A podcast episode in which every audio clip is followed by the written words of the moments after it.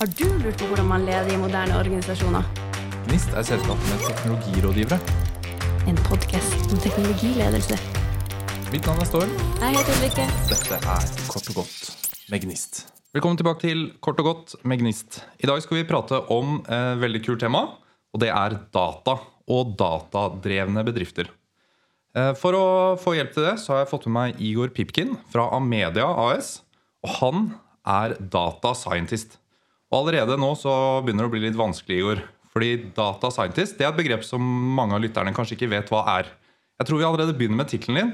Hva er en data scientist for noe? Data scientist er ikke en definert begrep. Så det er ikke det samme som siviløkonom, men eh, som er definert begrep, eller sivilingeniør. Men eh, data scientist jobber jo med data, og så prøver å foredle data til å gi noe verdi. Og ofte så vil data scientist jobbe med kun forskning, eller også kunne få ting ut i produksjon. Nå har vi fått begrep full stack data scientist. Vi har også begrepet som dataingeniør, som jobber mye mer på plattform. Og så en slags libro mellom de to, som er da ML, Machine Learning Engineer. Som prøver både, eller kan både de metodene som brukes av data scientister, men også det med å bygge robuste systemer. Til syvende og sist så er det jo softvare. Kult. Eh, Du har jo eh, jobbet med data en stund i Amedia. Og eh, det å drive At en bedrift er datadrevet.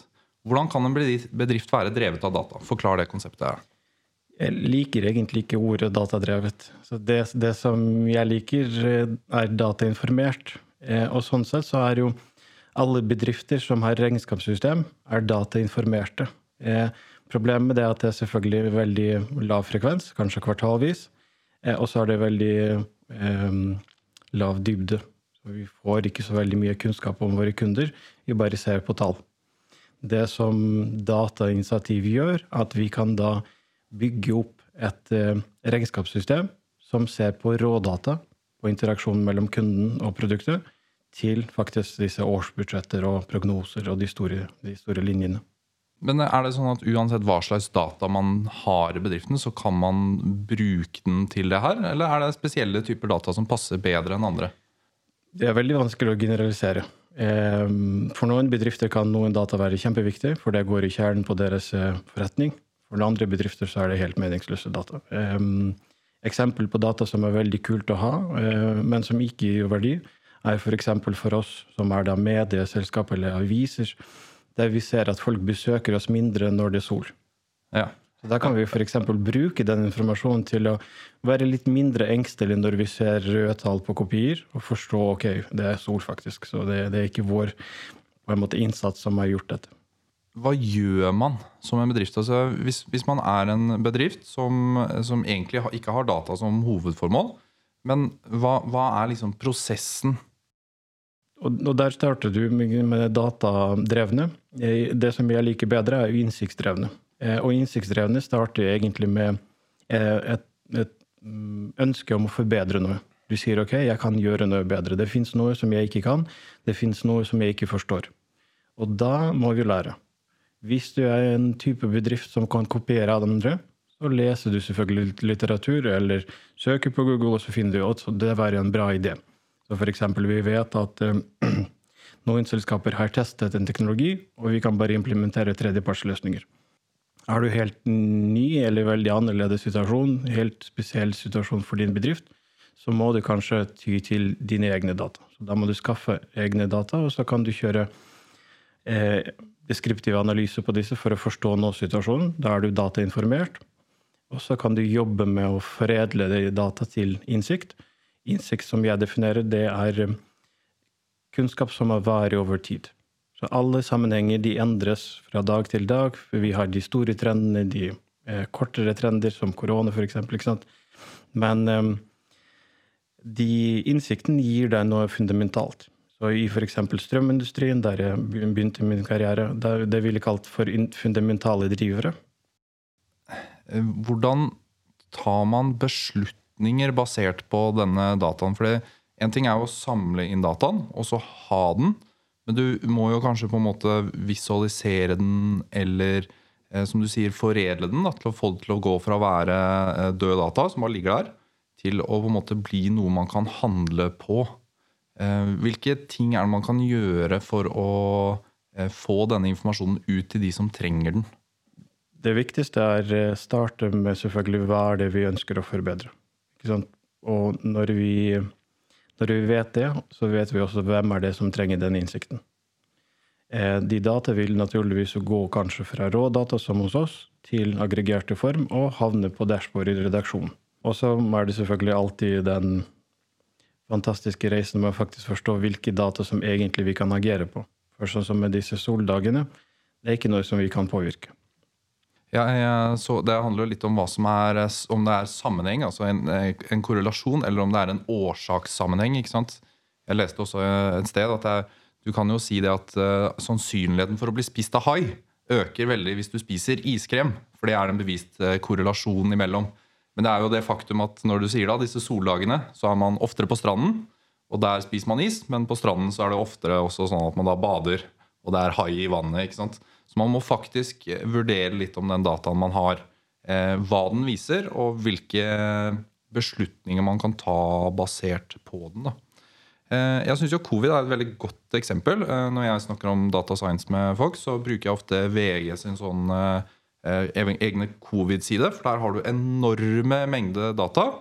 Og har du noen ting fra covid hvor du har sett, sett at folk har brukt data til å ta beslutninger? Jeg vil se for meg at helse, helsevesenet har jo helt sikkert brukt denne dataen på en sånn måte.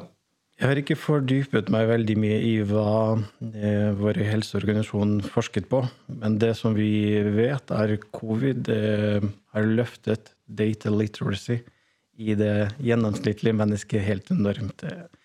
Så det er veldig bra hjelp. Eh, veldig i tråd med den teknologiske utviklingen. Men eh, litt alvorlig, så mm, Det som var usikkert med korona, var jo hvor, hvor mye spredning Eh, hvordan kommer den spredningen? Eh, og det vil da påvirke disse bølgene. Så man kunne veldig, eh, veldig naivt først estimere kanskje hva man forventer ut fra tidligere eh, viruser, til faktisk å lære fra denne konkrete virusen. Og det er litt av den tilnærmingen eh, Og dette er forskning. Så vi ville aldri kalt dette data science. Men metoden er den samme. Så du, du prøver å endre måten å tenke på fra deterministisk, der du sier men sånn har det vært. Det var en soldag. Til en probabilistisk måte å tenke på. Du sier at ok, eh, på en tilfeldig virus som vi kjenner til, så ville vi forventet en sånn utvikling. Eh, og da vil jo dine beslutninger være litt annerledes hvis du sier at det er blank. Hvis du ikke vet noe. Det blir kanskje litt enklere det som du sier i forskningen, at du har en eller annen hypotese om hvordan eh, virkeligheten er, og så kan du faktisk teste hypotesen din. Og og det egentlig ikke er mulig da, hvis ikke du har, eh, har dataen. Da du, kan du godt ha en hypotese, men du får aldri bekreftet eller avkreftet hypotesen. Ja, vi, vi, bruker data både til å komme frem til en god hypotese, og naturligvis også måle den. Mm. For eksempel, det kan være at uh, vi kan bruke data til å forstå bedre hvordan annonsene skal utformes for å appellere til yngre publikum så finner vi f.eks. at sånn type font eller sånn type kombinasjon av farger det er det som tiltrekker oppmerksomheten. Men vi trenger ikke de data for å måle effekten. Da kan vi gå og se på helt andre typer data. Eh, og sånn sett så kunne vi egentlig tatt en tilnærming der vi rett og slett lager menneskelige hypoteser. Kanskje noen designere eller folk som kjenner eh, disse unge grupper eh, fra andre bransjer, fra andre typer medier Eh, og så applisere de hypotesene og teste de i, i produksjon eller i utemarkedet. Det høres ut som man må ha veldig mye data fra før eh, for å gjøre det her. Er det sånn at man må drive med big data for å kunne drive med det her? Når big data virkelig kom, så, så tenkte jeg også med en gang at jeg, jeg jobber jo med eh, smådata. Noen av de viktigste beslutningene vi tar, når det gjelder samfunnet generelt, men også spesielt i, i strømindustrien, de data er veldig små. Det, det, er ting som vil påvirke jo kanskje 20 år frem i tid, men de er basert på kanskje bare en, eh, en kolonne av data som 10-15-20 år frem i tid. Ehm, du snakket så vidt om det i stad med AI og kunstig intelligens. Ehm, når, kommer, når, og hvordan kommer det liksom inn i bildet hvis man driver og analyserer data? Det er tre steg som er viktig i kunstig intelligens. Det å kunne lære, kunne forstå og kunne på en måte korrigere seg selv hvis man observerer at man tar feil. Eh, og de tre stegene det er det samme som vi gjør når vi trener våre statistiske eller machine learning-modeller i data science. At vi først fòrer de med masse data for å optimalisere de, den For å lære dem til å forstå eh, mot en konkret objektfunksjon. Eh, objektfunksjon er kanskje en matematisk term, men det betyr jo at det, det finnes et mål. Når det er gjort, så kan du sette den ut i produksjon, for da kan du evaluere nye data som kommer inn. Og når de data også er passert, så kan du også lære fra de data. Så når du vet konkrete effekten, eller sluttresultatet av den optimaliseringa, så kan du også få modellen til å korrigere de feilene som den har gjort. Da er vi veldig nær kunstig intelligens. Eh, generelt så ville jeg sagt kanskje at kunstig intelligens kan vi kalle alt, alle maskiner som tar beslutninger. Og de behøver ikke å være smarte. I motsatt ende så har du en god del data som blir rett og slett for voldsomt for oss mennesker. Som f.eks. ustrukturert tekst. Vi kan ikke lese 1000 sider av ustrukturert tekst og bare komme med et svar. Maskin kan gjøre det automatisk. Samme gjelder personalisering. Med bare 700 000 eh, lesere så sitter vi på fem millioner rader som kommer med anbefalingene som fòrer produktene våre. Vi, vi har frontsjefer som prøver å optimalisere forsidene, men de kan ikke lage 700 000 forskjellige forsider. Nei, det blir jo helt umulig. En ting som, uh, Dette er jo et problem uansett om man driver kunstig intelligens eller ikke. Det er uh, confirmation bias. Altså at man uh, leter etter den dataen og de svarene som bekrefter det man ønsker å oppnå. Hvordan kan man unngå et sånt problem når man jobber med data? Jeg, jeg tror det, det, stammer fra innstillingen, den måten å tenke på. Som jeg sagt, eh, jobber du mye med data, så lærer du veldig fort at du kan gå på sånne smeller. Eh, som ofte så ville du allerede gjort det på universitetet. Så på, allerede på universitetet så er det folk som forklarte deg at eh, nei, du kan ikke bare forfølge et spor bare fordi du ønsker deg dit. ikke sant?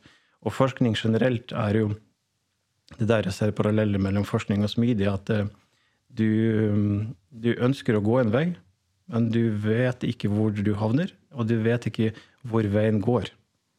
Eh, og på den måten så eh, ønsker du bare å, å forstå ting.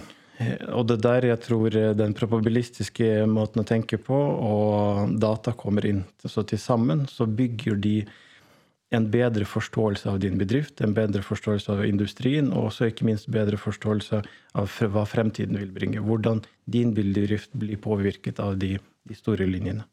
Vi snakker jo ofte i Smidig om dette Knevin-modellen, som sier noe om hvilke type problemer man kan jobbe mot. Om man har enkle problemer, kompliserte problemer og komplekse problemer. Og jeg tror jo data og datavitenskap sånn som det her, det kan brukes til å løse de forskjellige problemene, men at man da kanskje må ha litt forskjellig tilnærming. da. Noen ganger så vet du problemet du prøver å løse. Jeg skal lage den og den forsiden. eller et eller annet sånt. Mens andre ganger så er det sånn jeg har noe data her, jeg må utforske den litt, for jeg vet ikke helt hva hypotesen er engang ennå. Hvis du øh, møter noen nye mennesker som jobber i en bedrift eller er ledere, eller sånn, men som ikke helt har skjønt dette konseptet, Eh, med data, og hvor viktig det kan være. Hva er det du sier til dem da? Hva gjør du da for å liksom forklare de her? Jeg starter med forretning. Eh, hva er det dere ønsker å oppnå? og hvis man ikke på en måte forstår sin egen forretning, så er det veldig vanskelig å drive butikk. og så er det veldig viktig å avdekke ting som vi ikke forstår. Så når vi ikke forstår eh, hvordan ting egentlig henger sammen, så må vi studere dette. Og vi kan selvfølgelig studere fra litteraturen, eller så kan vi prøve å samle inn data som vil hjelpe oss å forstå vår use case.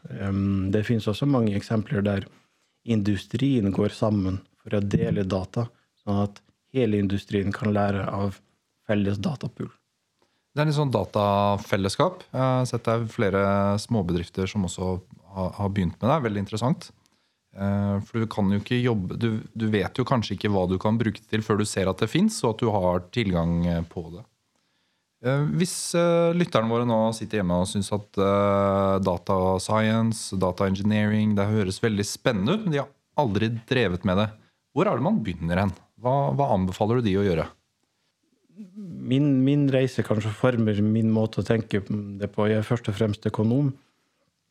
Kanskje det er derfor jeg går hele veien tilbake til verdi. Men eh, det samme gjelder jo disse instrumenter eller verktøy som selvfølgelig de fleste mennesker, de fleste ledere, vil klare å forstå. ok, Hvordan henger min forretning egentlig sammen?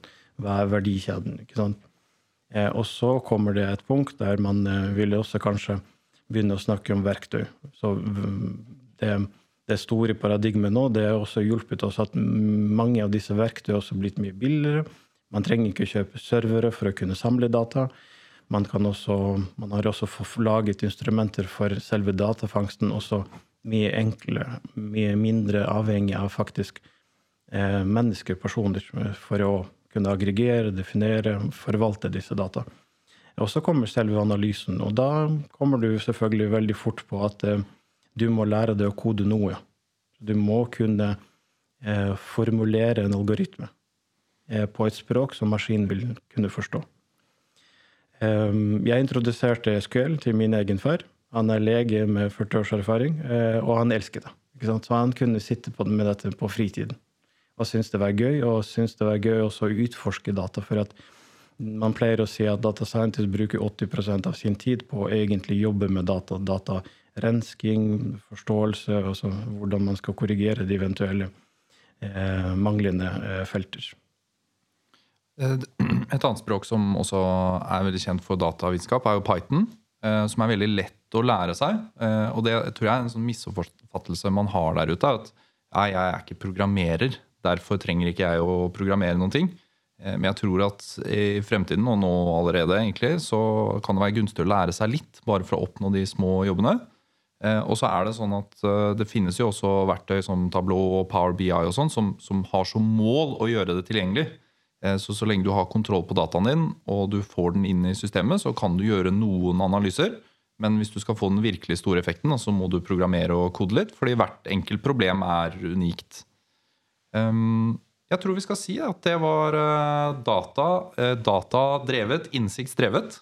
Kort og godt. Tusen takk for at du kom, Igor. Tusen takk.